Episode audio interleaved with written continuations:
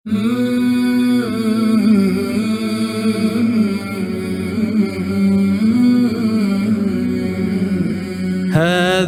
لقاء الصالحين مسامرة مع خير أحبابي وخير محاضرة.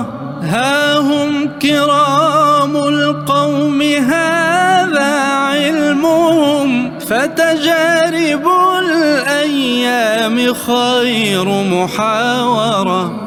حاورهم ثم اقتبس من نورهم واشرح لنا تلك الرياض الناظرة. يا أيها الناس اسمعوا وتعلموا. هذه تجاربهم جواهر حاضرة. السلام عليكم ورحمة الله وبركاته. الإخوة المشاهدين في كل مكان متابعي بودكاست مسامرة. أهلا ومرحبا بكم. آه، في لقاء جديد مع ضيف جديد.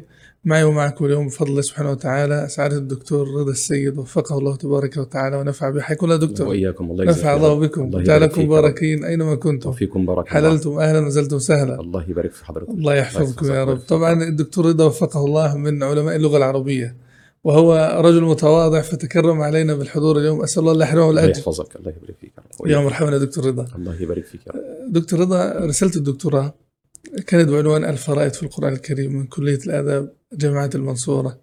تمام. زادكم الله توفيقا. إياكم الله. إن شاء الله بإذن الله سنعرج كذا حتى نصل إليه لكن ودنا نعرف من فضلتك إيه أهمية اللغة العربية؟ ما أهمية الله. اللغة وقيمتها؟ تفضل دكتور. بسم الله الرحمن الرحيم. الحمد لله والصلاة والسلام على رسول الله ثم أما بعد. فهذه جلسة نحتسبها عند الله عز وجل في ميزاننا إن شاء الله تبارك وتعالى. نتحاور فيها حول أهمية اللغة العربية وحاجتنا إليها. نعم. ثم آه، الذي يحتاجه معلم اللغة العربية ليكون معلما قدوة. نعم. ثم بعض التجارب مع الطلاب والمشاكل التي تواجههم وبالمناسبة هذه المشكلات التي تواجه الطالب سواء كان في المرحلة ما قبل الجامعية أو المرحلة ما بعد الجامعة أيا كانت دراسته أو حتى الأخ الذي يطلب العلم هناك مشكلات تعتري طريقه سوف نتحدث عنها إن شاء الله تبارك وتعالى. ونذكر الحلول لهذه المشكلات نعم. ثم نختم بإذن الله عز وجل بالحديث حول أطروحتي للماجستير والدكتوراه الأولى الاستدراج في القرآن الكريم في ضوء نظرية النظم مع ذكر أمثلة تفيد الدعاء نعم. ثم الحديث عن الفرائد طبعا بالدال الفرائد نعم مفردها فريدة لأن البعض يسمع كلمة الفرائض يظنها الفرائض الفرائض المواريث. اللي هي المواريث. نعم. لكن هي الفرائد بالدال أي باختصار ما الذي انفرد به القرآن الكريم عن غيره من كلام البشر نعم. ومن الكتب السماوية السابقة. نعم.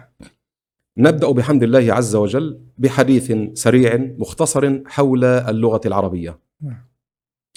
اللغة العربية آه، لغة القرآن الكريم. ولغة النبي صلى الله عليه وسلم صلى الله عليه وسلم واللغة التي دون بها تراثنا الكريم الشريف. اللغة العربية ضرورة حياة وأساس وجود، فلا يخفى عليكم أن كل حضارة لا تبنى إلا على ثلاث أسس. نعم كل حضارة أيا كانت تلك الحضارة لابد أن تبنى على ثلاثة أسس.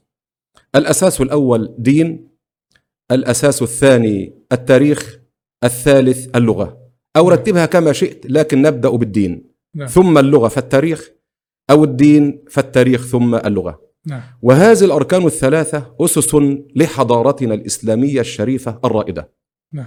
فعندما كان للدين سطوته وللغة قيمتها كان التاريخ يسجل صفحات النور لأسلافنا الصالحين الذين فتحوا الأرض شرقا وغربا حتى وصلوا إلى الصين في الشرق وإلى أقصى أوروبا في الغرب. اللغة العربية ليست ككل لغة بل لها سمات تختص بها ولها شرف يكفيها شرفا أن الله عز وجل جعل كتابه الخاتم القرآن الكريم باللغة العربية. إنا أنزلناه قرآنا عربية حتى في الحكم وكذلك جعلناه حكما عربي. عربيا. نعم. اللغة العربية لغة سيد الثقلين محمد صلى الله عليه وسلم. فهو العربي. ولما تعجب الصحابة من فصاحته قال وكيف لا؟ وأنا قرشي وكنت مسترضعا في بني سعد. ليتقن العربية. اللغة العربية آه، لغة لها أهمية كبرى لا سيما في دارسي الشريعة. ولطلاب العلم على كافة تخصصاتهم وفروع الشريعة وعلومها. نعم. مثلا اللغة العربية لها أهمية كبرى لعلم القراءة والقراءات والإقراء والتفسير وكل ما يتعلق بكتاب الله عز وجل قراءة وتدبرا وتفسيرا وتعليما وإمامة. لذلك لما قيل للحسن البصري لنا إمام يلحن الإمام الذي يصلي بنا الذي يصلي بنا يلحن. ما معنى اللحن؟ الخطأ في اللغة. نعم. فقال بجملة يعني كأنها مشرة جراح. قال أميطوه عنكم. وانظر إلى كلمة أميطوه. نعم. فالإماطة لا تكون إلا للأذى. إماطة الأذى عن الطريق. قال الحسن البصري أميطوه عنكم. فإن الإعراب حلية الكلام. إن الإعراب حلية الكلام. وقال الإمام مالك إمام دار الهجرة لا أوتين برجل يتحدث في كتاب الله ولا يعلم اللغة إلا جعلته نكالا لغيره. طبعا معروف من سيرة الإمام مالك أنه كان يؤدب نعم. وكان يضرب نعم. وكان عنده من يساعدونه في هذا. يشترط في كما هو معلوم عن سيرة الإمام مالك آه، رحمه الله إمام دار الهجرة أنه كان يشترط في مجلسه أمورا معينة. فمن أخل بهذه الشروط الأول يزجر ويعاتب. نعم. فإن لم يكف يؤدب. ومنهم بعض أئمة الحديث الذي أمر أن يضرب ستة عشر صوتا. فلما ضرب أراد الإمام مالك أن يعني يطيب خاطره فاستدعاه وحدثه بستة عشر حديثا من أحاديث النبي صلى الله عليه وسلم. فلما حدثه بها قال ليته زاد في الضرب وزاد في الحديث. معروف الإمام مالك قصص مشهورة جدا جدا حتى أنه كان يؤدب القضاة. الإمام مالك كان يقول عن الذي لا يتقن اللغة العربية ثم يتحدث في كتاب الله عز وجل لا أوتين برجل يتحدث في تفسير كتاب الله ولا يتقن اللغة إلا جعلته نكالا لغيره. الله والإمام لو رآنا دكتور. نعم. لو رآنا لأدبنا.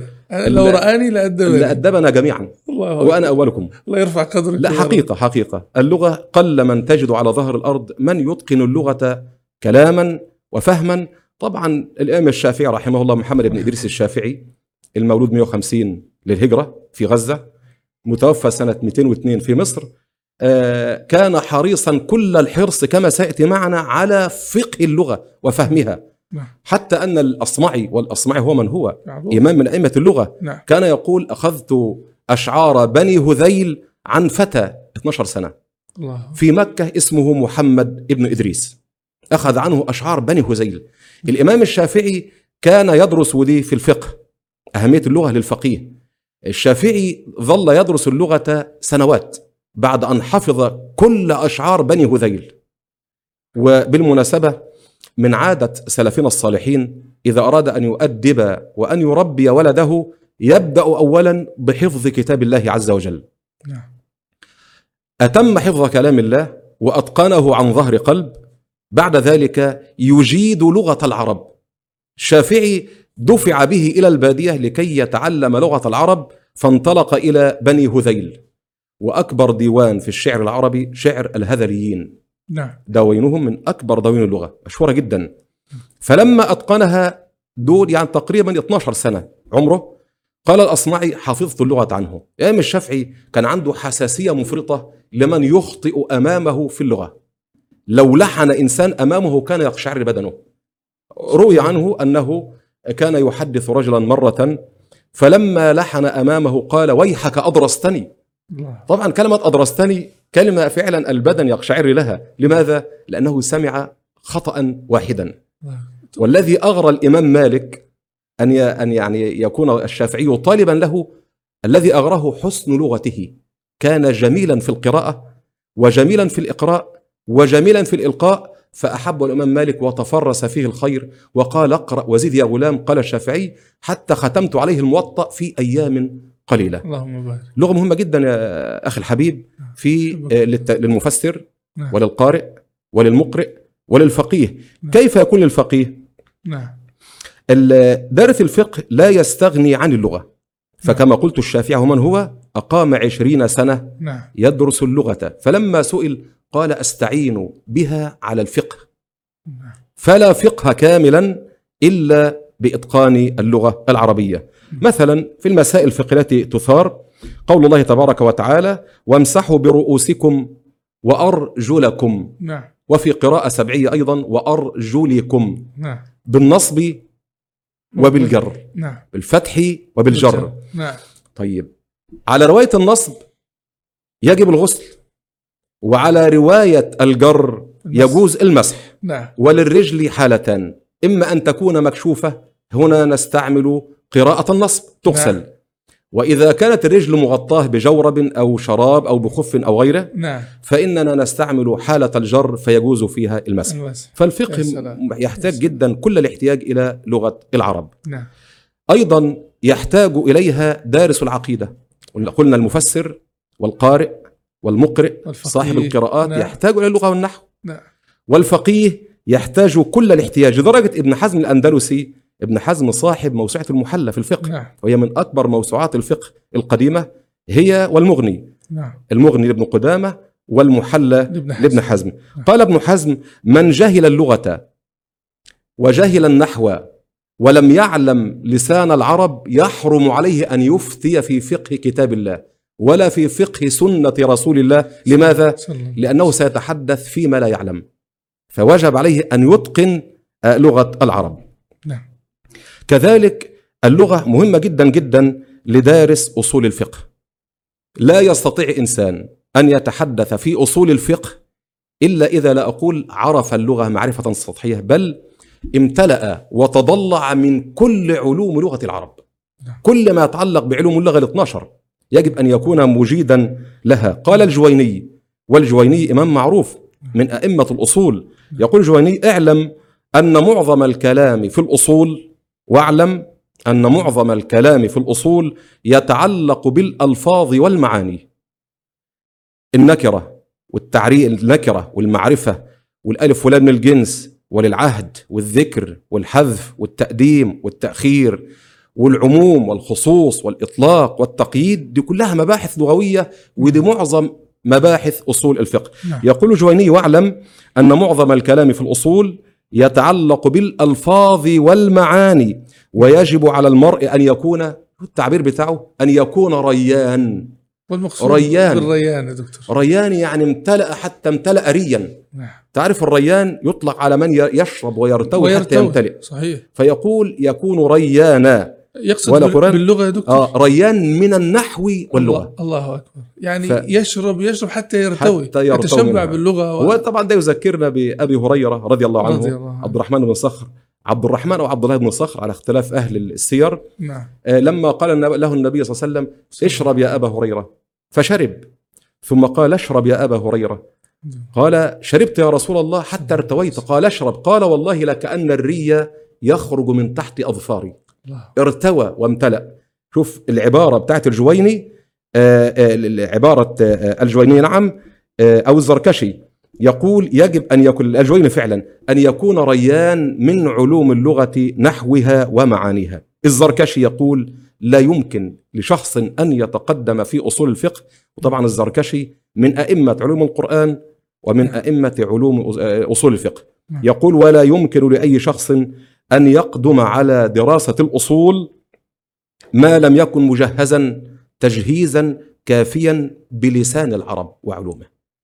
اتضح من ذلك حاجة المفسر والقارئ والمقرئ نعم. والإمام ورجل العقيدة ورجل الفقه ورجل الأصول إلى اللغة العربية. نعم. ضف على ذلك أنها الوعاء الذي صب فيه تراث المسلمين. نعم. قرآن وسنة وتاريخ الأمة. نعم. فاللغة آه، أساس هذه الأمة أو أساس من أسس هذه الأمة. لذلك نجد الدعوات قديما وحديثا لتهميش اللغة. نعم. فمنهم من نادى من قبل طبعا ده في زمن الشيخ العلامة محمود شاكر رحمه الله. رحمه إيه، أثاروا فتن كثيرة. أبو فهر. آه، أبو فهر. نعم. لكي تستبدل اللغة العربية بماذا؟ أو تستبدل الحروف اللاتينية بالحروف العربية. آه، هامش. أقول فيه شيئا.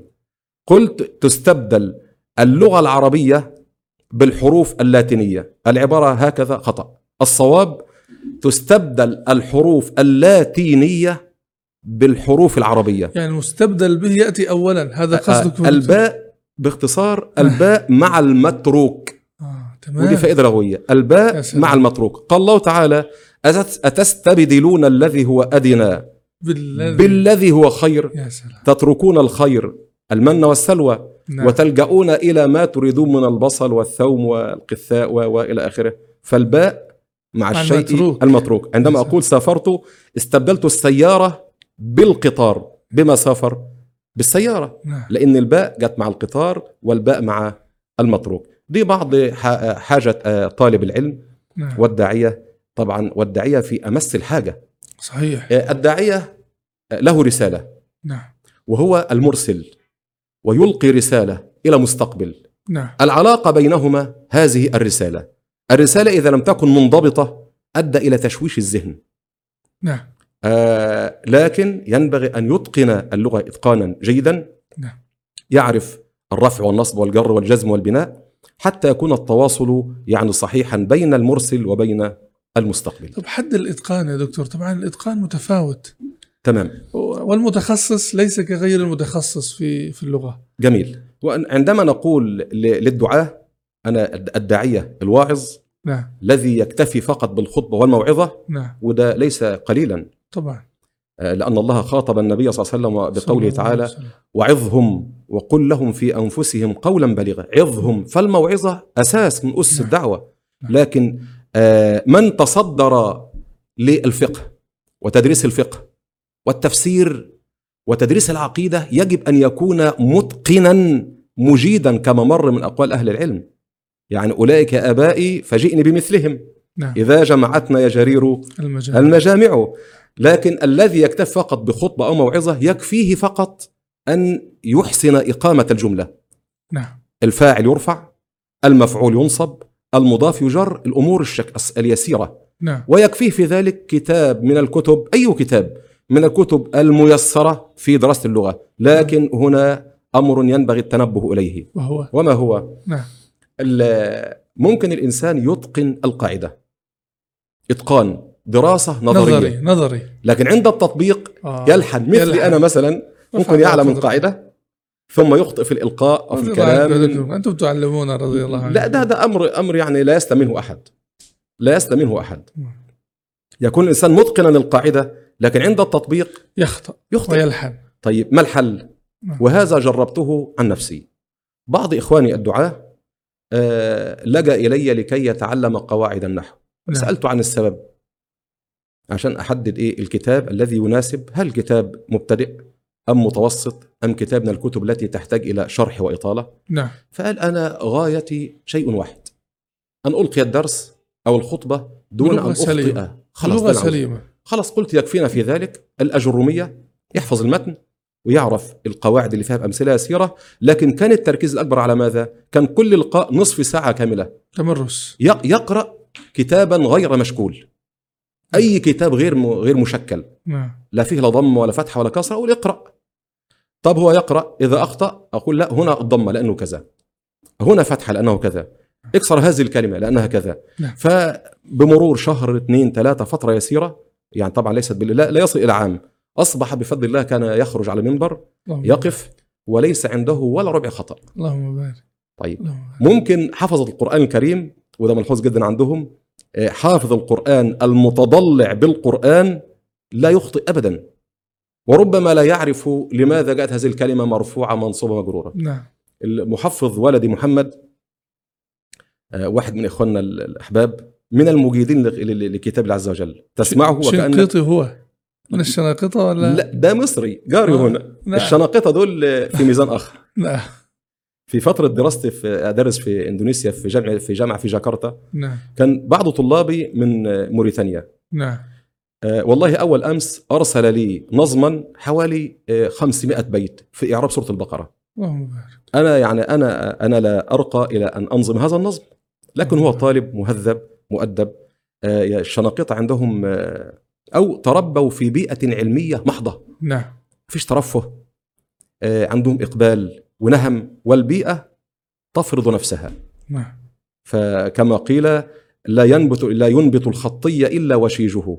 نعم. وينبت في منابته البقل. نعم. اللي الإنسان نشأ في بيئة كلها همة للعلم نعم. وشغف ده عند رأس مالهم العلم. صحيح. فهذه ثقافة شعب. لكن أقول أستاذ ولدي محافظ القرآن الكريم آه، هو ي- يقرأ أمام ولدي وولدي يكرر فسمعت آية أنا لا أعرف إعرابها كلمة لفتت نظري أنا لا أذكرها الآن. نعم. فقلت يا شيخ أحمد ال- اتأكد من ال- الآية كده. قال هي كذلك. قلت له بس الإعراب أنا مش عارف. قال لا مش دعوة. أنت شوف أنت إعرابك أنت بس القرآن بتاعي كده نعم. طبعا ليه؟ لأن هو حفظ الآية كما هي. ولسانه يتحرك كما هي بضبطها نحوا وصرفا طبعا. نعم. لكن لا يعرف السبب. له طب بس هنا ضمه ليه؟ قال أنا ما هي الضمة في المصحف أهي. شوف المصحف أهو. فتح المصحف الضمة اهي تلقاها هكذا الضمة هكذا. نعم. أنت بقى شوف أنت في كتب النحو ليه ضمة؟ مش حاجة تانية؟ نعم. فالتمرس بالإلقاء وأهم تمرس الورد اليومي من كتاب الله عز وجل. يقيم اللسان. من تعود على ورده تعبدا وتعلما أقام الله لسانه على كتابه سبحانه وتعالى. سبحانه وبحمده. اسال الله عز وجل. الله يحفظك ويبارك فيك. المحافظة على الورد من القرآن اللهم أمين وإلى. الاستزادة من تعلم اللغة. اللهم وأن يعلمنا وإياكم ويزيدنا وإياكم علما يا دكتور. اللهم أمين يا رب. أحسن الله آمين. إليكم يا دكتور. الله يحفظك طيب يا. دكتور مع أهمية هذه اللغة لطالب العلم وللداعية ولكل فئات المجتمع إن صح التعبير آه عايزين منهج عملي منهج علمي عملي مقترح من فضيلتك لكل من أراد أن يتعلم اللغة العربية بمختلف تخصصه. أيا كان تخصصه أنا أريد أن أتقن اللغة. آه. بما تنصحني. أحسن الله إليك. وإليكم. طيب إحنا هنفرق بين مستويين. نعم. مستوى المتخصص ومستوى القارئ المثقف. جميل. طبعا في في حد حد أدنى ينبغي ألا ينزل عنه ال الإنسان القارئ أو المثقف؟ نعم. إقامة الجملة. يعرف كيف تقام الجملة اسمية أو فعلية نعم.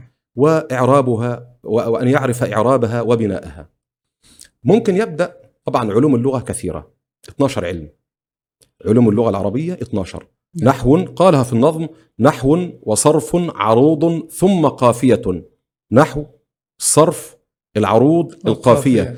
وبعدها لغة قرض وانشاء القرض هو الشعر. والإنشاء اللي هي التعبير الإنشاء. نعم. أو هي إنشاء ونسهل نقول إنشاء. نعم. خط بيان معان مع محاضرة والاشتقاق لها الآداب أسماء. بالمناسبة هذه العلوم 12 الإمام السيوطي والإمام الزركشي في البرهان والسيوطي في الإتقان ثم جاء الإمام محمد عبده رحمه الله مفتي مصر والأستاذ ال- محمد رشيد رضا لما حددوا العلوم التي يحتاج اليها التي يحتاجها المفسر قالوا يحتاج إلى خمسة عشر علما. خمسة عشر علما. تخيل نصفها تقريبا يتعلق باللغة. آه، اللغة نعم. والنحو والصرف نعم. والبيان نعم. والبديع نعم. والمعاني والاشتقاق. كل هذا لغة. كلها لغة. نصفها تماما بالنصف. نعم. آه، يتعلق باللغة العربية. نعم. فيكتفي الدارس إن كان يريد ان فقط مجرد أن يقيم لسانه. نعم خلال الحد الأدنى دكتور. الحد الأدنى أي نعم. كتاب من الكتب الميسرة. نعم. أكثر كتاب كما أعلم والله أعلم نال حظا من من ال- الانتشار والمدارسة والشرح متن يسير جدا يبدو أن الرجل قد كتبه وهو يعني مخلص في هذا العمل. الآج الرومية لل- لابن آج الروم الصنهاجي. رحمه الله. هذا رجل كان صوفيا قديما نعم. وكتب هذا المتن نعم. في زاوية من زواياه نعم. وبعد ذلك جاء طلاب العلم من بعده وشيوخنا كلهم يبدأون بهذا الكتاب. له شروح يعني كثيرة جدا لا أستطيع إحصائها ممكن تحصي من خمسين أو ستين شرح لهذا المتن. بالمناسبة متن الأجرومية إذا كتب بالخط العادي على ال- ال- الطابعة يعني على الكمبيوتر ممكن يجي أربع ورقات تقريبا أو خمس ورقات فقط. نعم. من صغر حجمة. قلم صغير جدا. نعم. لكن آه، خاف دائما من من الصغير هذا. حوى من آه، المعاني آه، الكثيرة كما قال كثير عزة ترى الرجل النحيف فتزدريه وفي أثوابه أسد هصور. بغاث الطير أكثرها بغاث الطير أكثرها فراقا وأم الصقر مقلاة نذور. نعم. فليس بالحجم. نعم. كم من كتاب حجمه يسير لكن فيه من البركة ما فيه. نعم. شيوخنا الذين درسوا لنا بدأوا بهذا الكتاب فعلا نعم. آه، يحفظ المتن ويعرف الشرح. نعم. ثم اللي أهم عندي شخصيا نعم. من حفظ المتن وإن كان مهما جدا ومعرفة الشرح وإن كان يعني لا يتنازل عنه التطبيق. تمرس. كل نعم. علوم الآلة منها النحو طبعا. نعم. والبلاغة من علوم الآلة نعم. تحتاج تطبيقا مرات متكررة متعددة حتى يتقن العلم. نعم. وربما اللي يعني أنا كعملي في التدريس ممكن الطالب لا يفهم ال- المعلومة من الشرح نعم ممكن يفهم منها مثلا آه، 20 30% متى يكتمل فهمه للمعلومة بالحل نعم. وتصحيح هذا الحل نعم. وتصويبه ثم الحل مرة ثانية ثم تصويب مرة ثانية نعم. فإذا ما داوم على الحل والاسترجاع ال- العقل له زوايا في. الفهم صار متمرسا آه. نعم.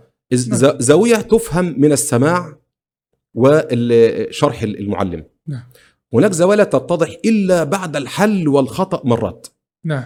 لذلك تجد أهل العلم اللي بيدرسهم المادة وكررها مرات عديدة ثم أجاب مع الطلاب وصح امتحانات ونظر في أوراق الامتحانات مرات تجد المادة أمامه كأنها ورقة واحدة مفتوحة. فأول شيء يبدأ بكتاب يسير طب وأنهاه وأجاب كل التدريبات التي عليه.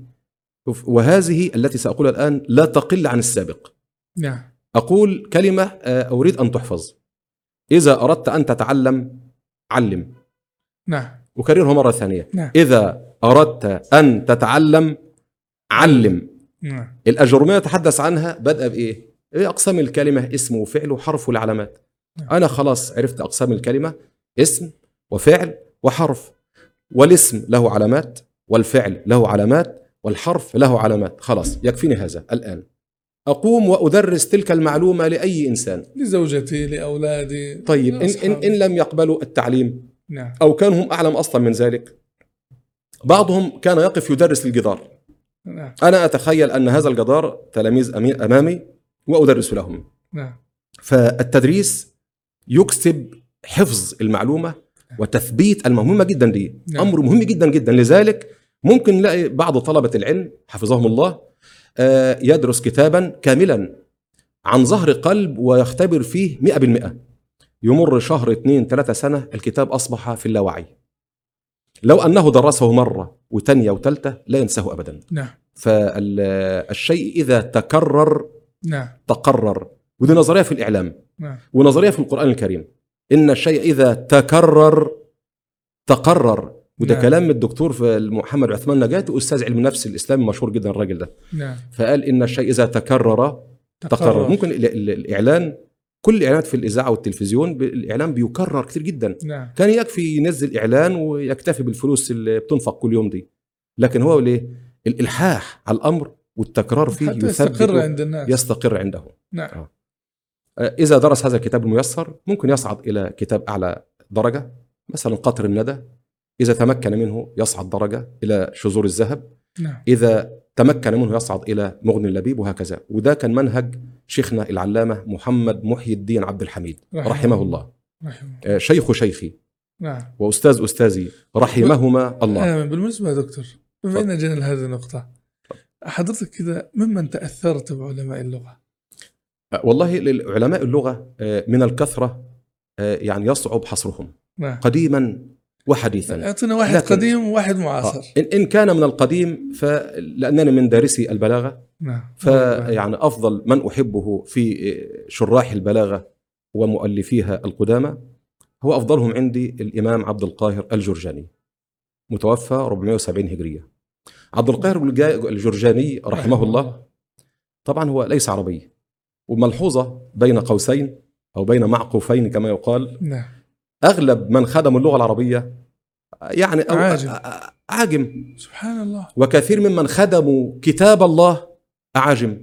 سبحان. وكثير ممن خدموا سنة النبي صلى الله عليه وسلم الإمام البخاري محمد بن إسماعيل بن إبراهيم ليس عربيا. بن المغيرة طبعا بخاري من إقليم بخارستان نعم. طيب إذا ممكن يعني على على على على هذا الأمر نقول دين الإسلام ولغة الإسلام ليست لغة قومية. نعم. ليست دينا قوميا. نعم. بل هي دين خلق لكل خلق. ك- أنزل للناس كافة نعم. ولغته للناس كافة نعم.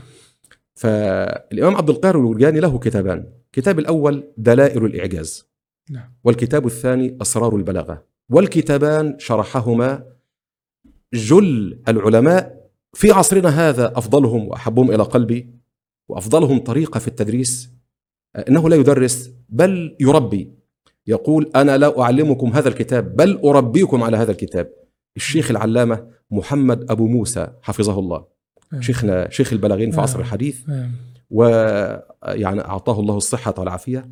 آه، ما زال يدرس في الجامع الأزهر له درس أسبوعي ثابت حسب. طاقته. الرجل تخطى الثمانين بفترة. الله يبارك لعله- عمره على الطاعة. لعله قرب التسعين. عمر مديد بارك. في طاعة الله. هو بالمناسبة تلميذ الشيخ أبو فهر محمود شاكر. وأخذ منه نعم. أخذ منه التدقيق العلمي وأخذ منه أحيانا الحدة أحيانا يكون نعم. حدا. نعم. لكنه يحب عبد القاهر ومتمرس في كتابيه. الكتابان هذان اللي هو دلائل الإعجاز وأسرار البلاغة دلائل الإعجاز في علم المعاني. نعم. وأسرار البلاغة في علم البيان. نعم.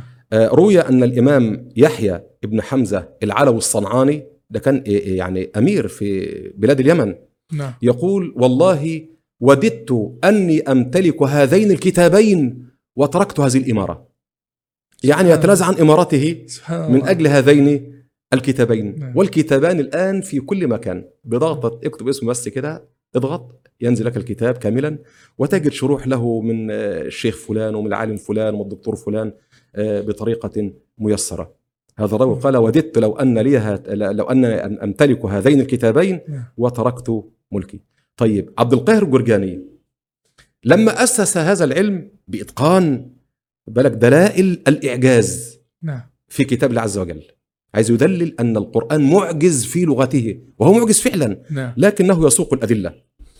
من الذي جاء بعده وطبق منهجه تطبيقا حرفيا؟ نعم.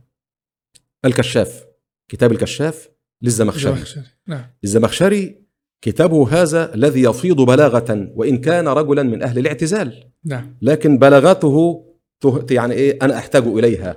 أما اعتزاله فله ليس لي.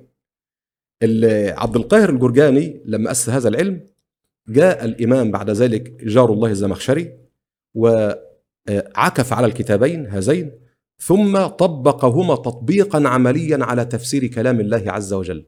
وأنا لا أغالي إذا قلت أن كل تفسير جاء بعد الكشاف تجد أشعة من الكشاف تنساب في ثناياه لازم تلاقي أشعة. أنا أجد ذلك. لماذا يا دكتور؟ ليه الراجل كتبه بإتقان ودقة؟ نعم. قواعد اللغة ليس فيها مجاملة. نعم. ليس فيها محاباة. نعم. وإن كان أحيانا الت- التفسير اللغوي يتأثر بالعقائد. نعم. عقيدة الإنسان توجهه في كل تظهر. نعم في كل سوء. السكندري المنير أخرج منه والإمام بعد فترة طويلة أبو حيان في البحر المحيط آه، استخرج كثيرا من اعتزالياته ولكن للأسف تجنى عليه كثيرا. حمل كلامه ما لم يحتمل. نعم. يعني إحنا في قاعدة عندنا بتقول إيه؟ قاعدة منطقية. من أسباب الخطأ سوابق الأفكار. أنا أخذت انطباع سابق خلاص أنا بحكم بقى إيه. الأول نعم. لكن من الذي رد وانتصف للزمخشري غفر الله له ورحمه الله آه. شيخنا العلامة محمد عبد الخالق عضيمة الشيخ محمد خالق عضيمة رحمه الله رحمه. له كتاب اسمه دراسات في أسلوب القرآن الكريم نعم. أجمل وأمتع ما كتب عن القرآن في العصر الحديث موسوعة 11 مجلدا 11 مجلد. وطبعا هو أخذ بعدها على طول مباشرة بعد هذا الكتاب حصل على جائزة الملك فيصل رحمه الله. كتاب بينتصف فيه كل الانتصاف للزمخشري. نعم. وأنا تتبعت الكتاب في بعض أبحاثي في الدكتوراه ماجستير. كان الشيخ عظيمة يقول وقد أصاب أبو حيان هنا.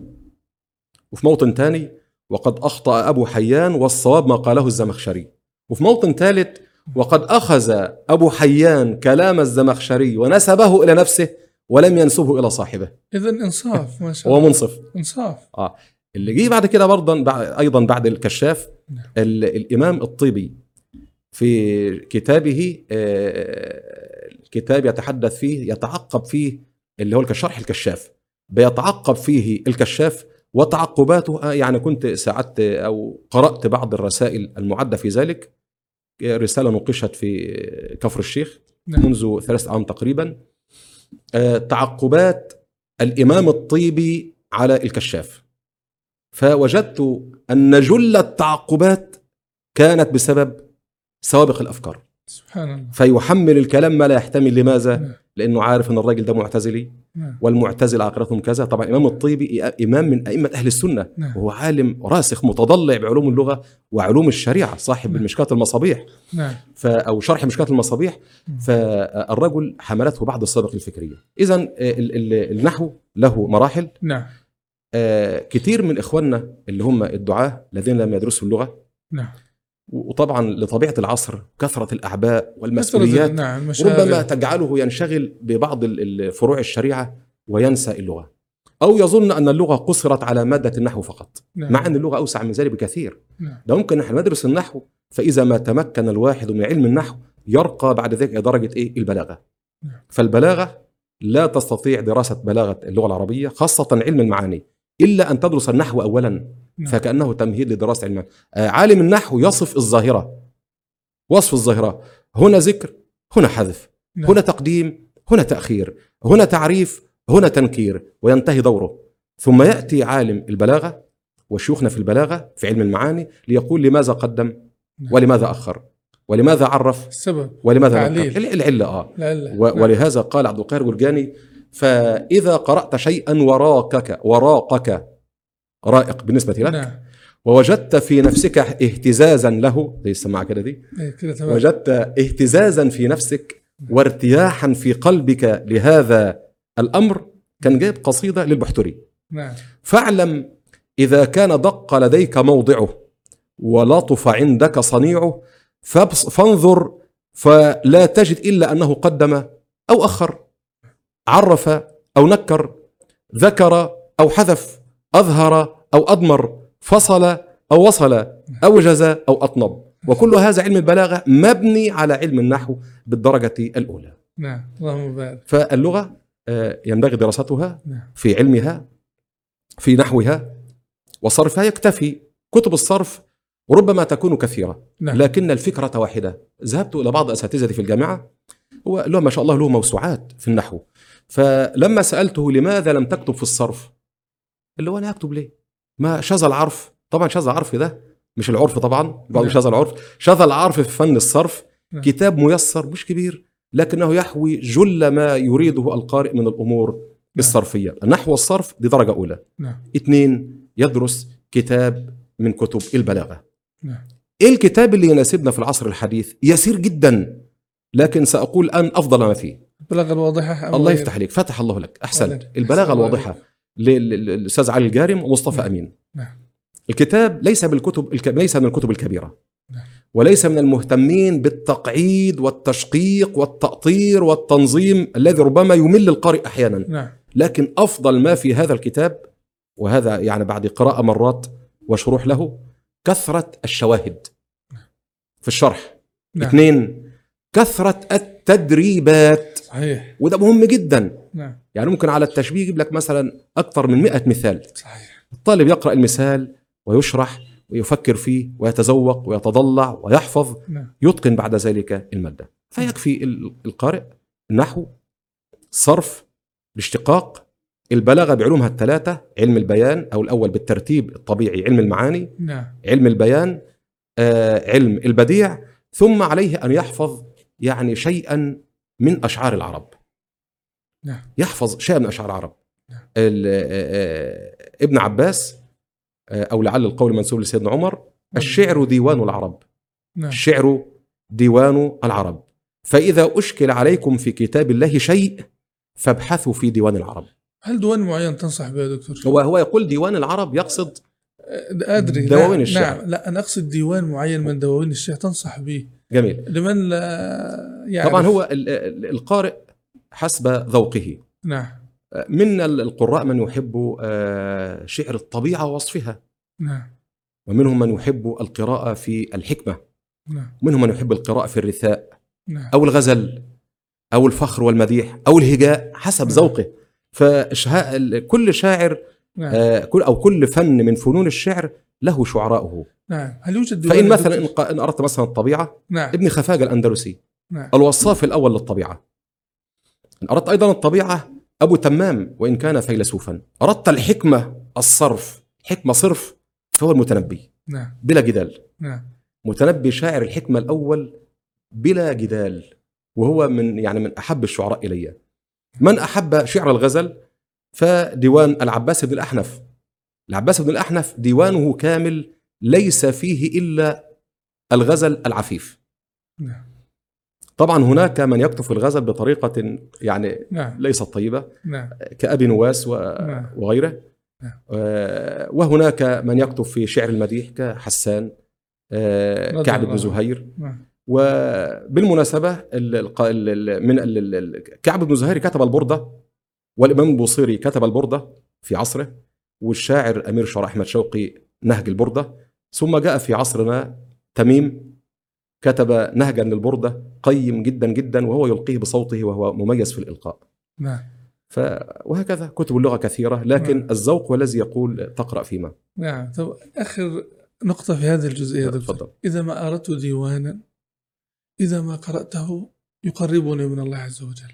لو أنا رجل عامي ولست متخصصا في اللغة هل مر بكم مثلا دي في- في ديوانا. معينا تنصحون به؟ في قصائد آه، بالمناسبة التقريب من الله كل لغة تقرب إلى الله. نعم. لأن من أتقن اللغة وحفظ متونها أو ما يستطيع من متونها قربته من فهم القرآن نعم. وهو المقرب الأول له. نعم. لكن إن كان على الوعظ نعم. فيه شعر سابق ابن عبد الله البربري نعم. فيه وعظ.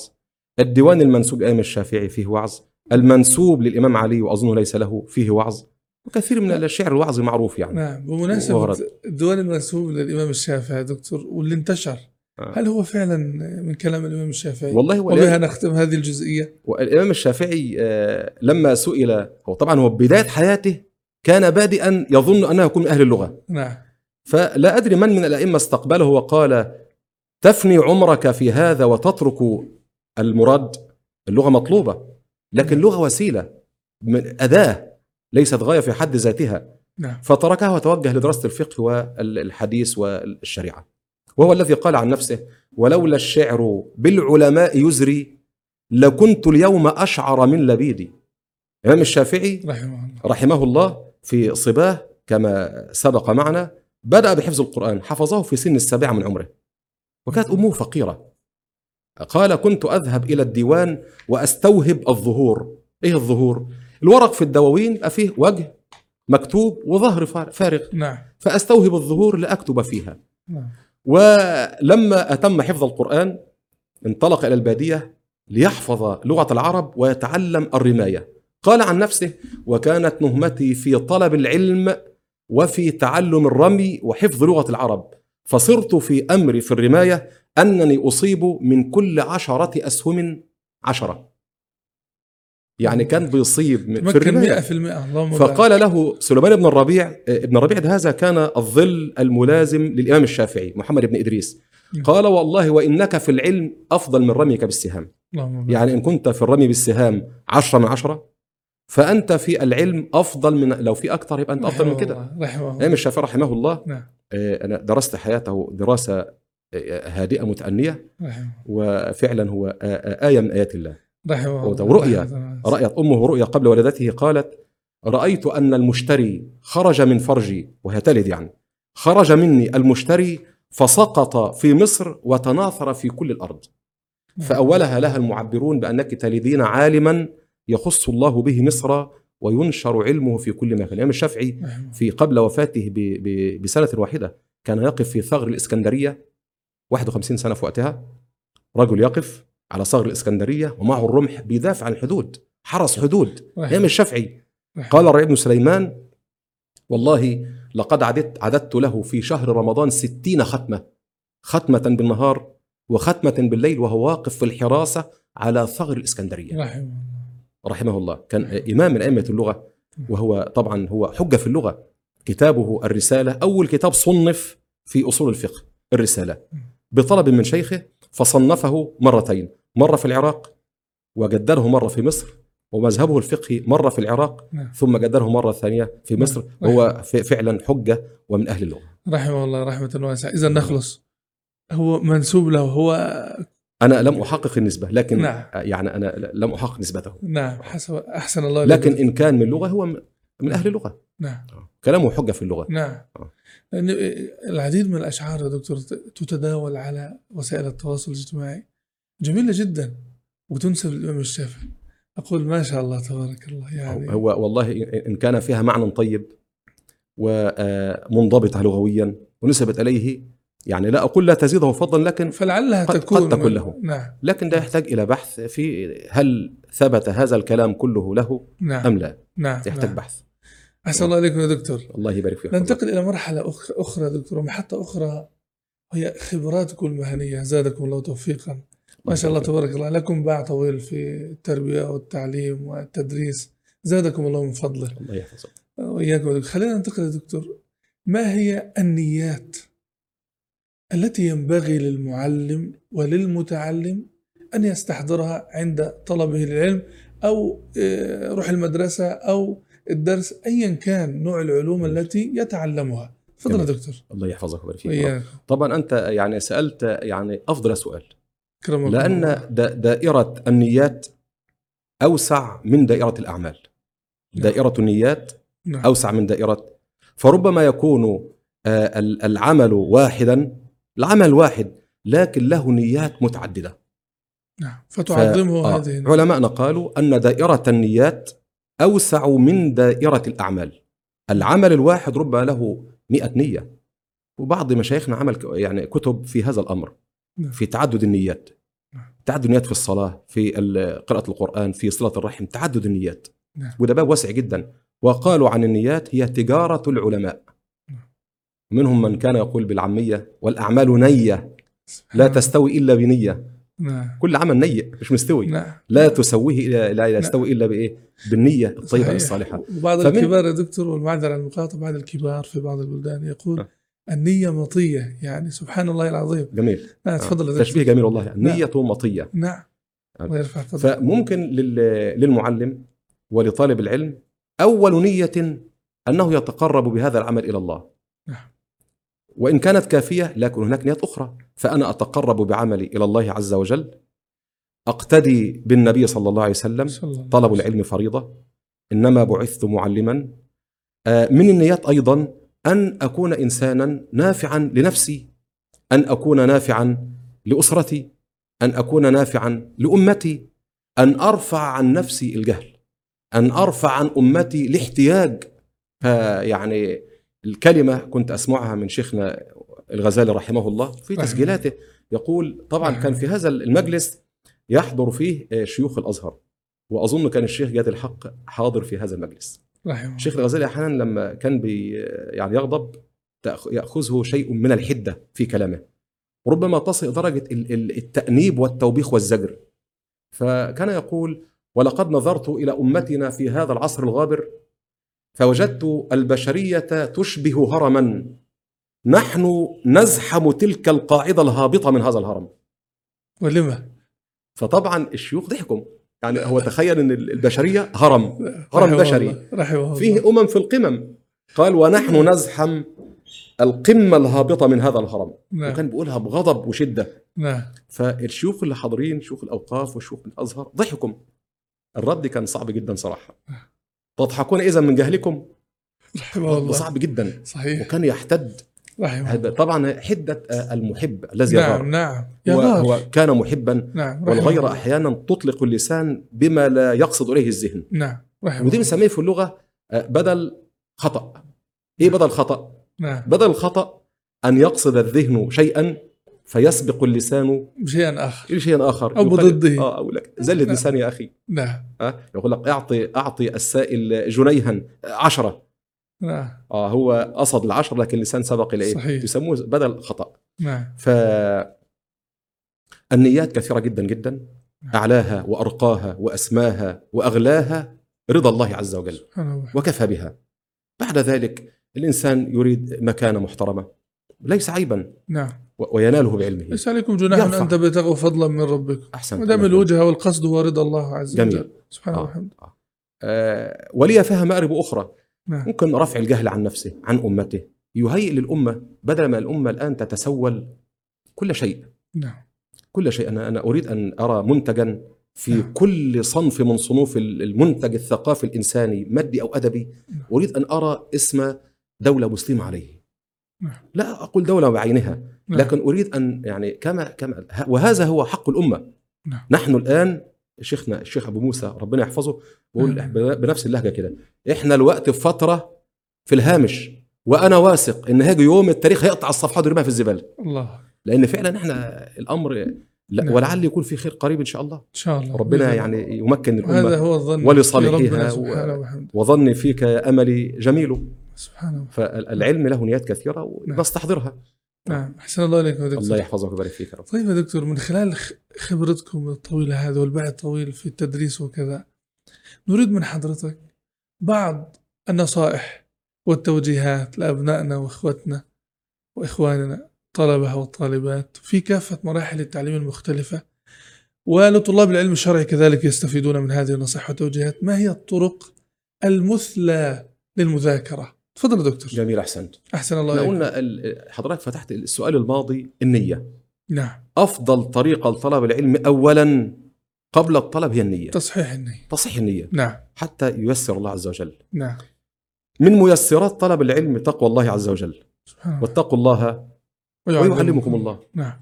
آه، فتقوى الله زاد لكل علم. نعم. آه، هناك ما يحتاجه الطالب طالب العلم أو طالب التعليم قبل الجامعة أو بعد أو الجامعي نعم. يحتاج إلى أن قبل المذاكرة إلى أمور أثناء المذاكرة إلى أمور بعد المذاكرة نقسمها ثلاث محاور. نعم. قبل المذاكرة وأثناء أثناء المذاكرة وبعد بعد المذاكرة. نعم. قبل المذاكرة إعداد المكان.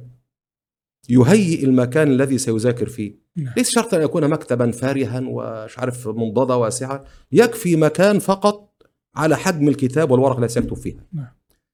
آه، مهم جدا يركز الضوء على المكان اللي هيذاكر فيه. نعم. لأن كثرة الأضواء ممكن تشتت الذهن. صحيح. وده مشكلة من مشاكل من المشكلات التي تواجه طالب العلم على كل المستويات نعم. تشتت الذهن. نعم. يبدأ في و- وبجواره ما يشتت عليه. تكثر عليه هيئ. المشتتات جميل. التليفون المش عارف إيه ال... ال- الأسرة نعم. الشارع ال- وهكذا. نعم. فقبل المذاكرة يهيئ المكان. حتى قيل قديما في الحكم ثبت العرش ثم انقش. نعم. انت عايز تنقش صورة ولا لوحة ولا ترسم حاجة ولا تكتب؟ مش معقول تكتب على حاجة متحركة. نعم. ثبت. آه، استحضار النيات إعداد المكان. آه، حبذا لو أنه توضأ قبل أن يبدأ المذاكرة. يا سلام. جميل جدا. ده ده بيذكرنا مين؟ آه، بالمحمد بالإمام البخاري محمد بن إسماعيل البخاري رحمه الله. لما كتب صحيح البخاري نعم. بنصيحة من أستاذه إسحاق ابن راهويه. لما قال من منكم ينشط لجمع صحيح السنة المختصر؟ فجمع الصحيح المختصر صحيح البخاري 7654 حديث تقريبا. قال ولم اكتب لم أكتب حديثا إلا بعد أن توضأت وصليت ركعتين. تخيل في عدد كم ألف دول؟ 7000 ونص تقريبا اتوضى 7500 مرة تقريبا. وصلى حوالي 15000 ركعة. وده طبعا رد على من؟ على الذين يتحدثون عن البخاري وأين نعم. هم من غسيل يديه أين رحمه الله. الثريا؟ آه. وطبعا أنا لا أقارن بين البخاري وبين سين أو صاد نعم. لأن ده تنقيص لقدر البخاري. نعم نعم. العرب قالت قديما ألم تر أن السيف ينقص قدره؟ إذا قيل إن السيف أمضى من العصا ده دي إهانة للسيف. إي ما والله أقدرش أقول السيف ده أحسن من العصاية صحيح. إهانة له. نعم. آه، فالوضوء نعم. قراءة ما تيسر من كتاب الله عز وجل ثم يلجأ إلى الله بالمذاكرة. يبدأ بالمذاكرة. مهم جدا جدا يركز على العنوان. حتى يلتصق في ذهنه. أنا الوقت هذاكر موضوع إيه؟ باب إيه؟ درس إيه؟ رقم اثنين. نعم. تحديد النقاط في هذا الدرس. نعم.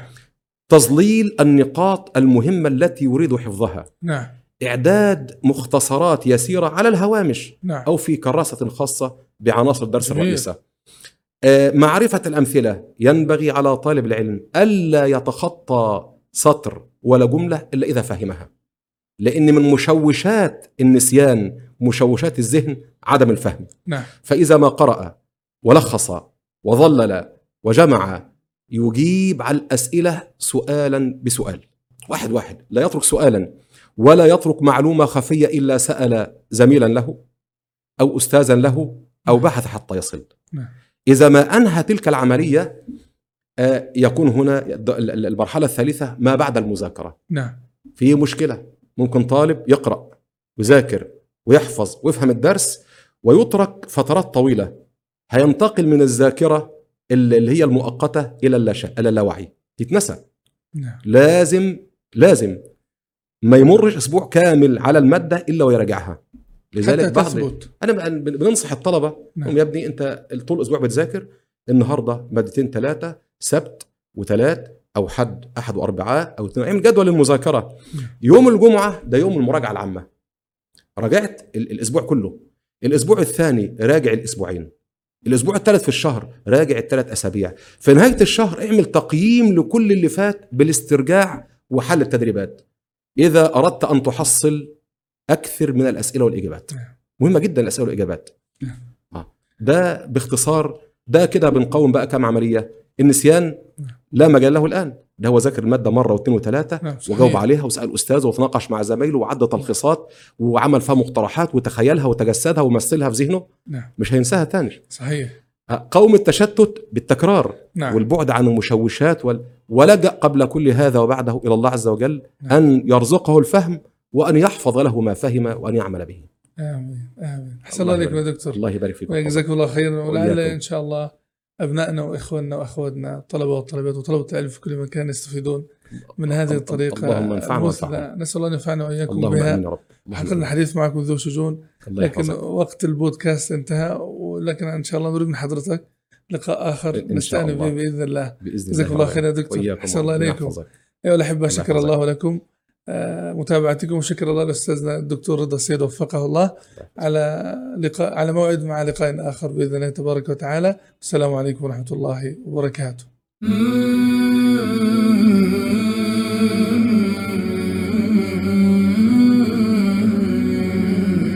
هذا لقاء الصالحين مسامرة. مع خير أحبابي وخير محاضرة.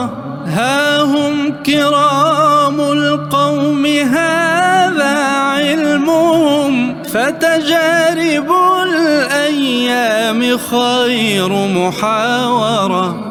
حاورهم ثم اقتبس من نورهم. واشرح لنا تلك الرياض الناظرة. يا أيها الناس اسمعوا وتعلموا. هذه تجاربهم جواهر حاضرة.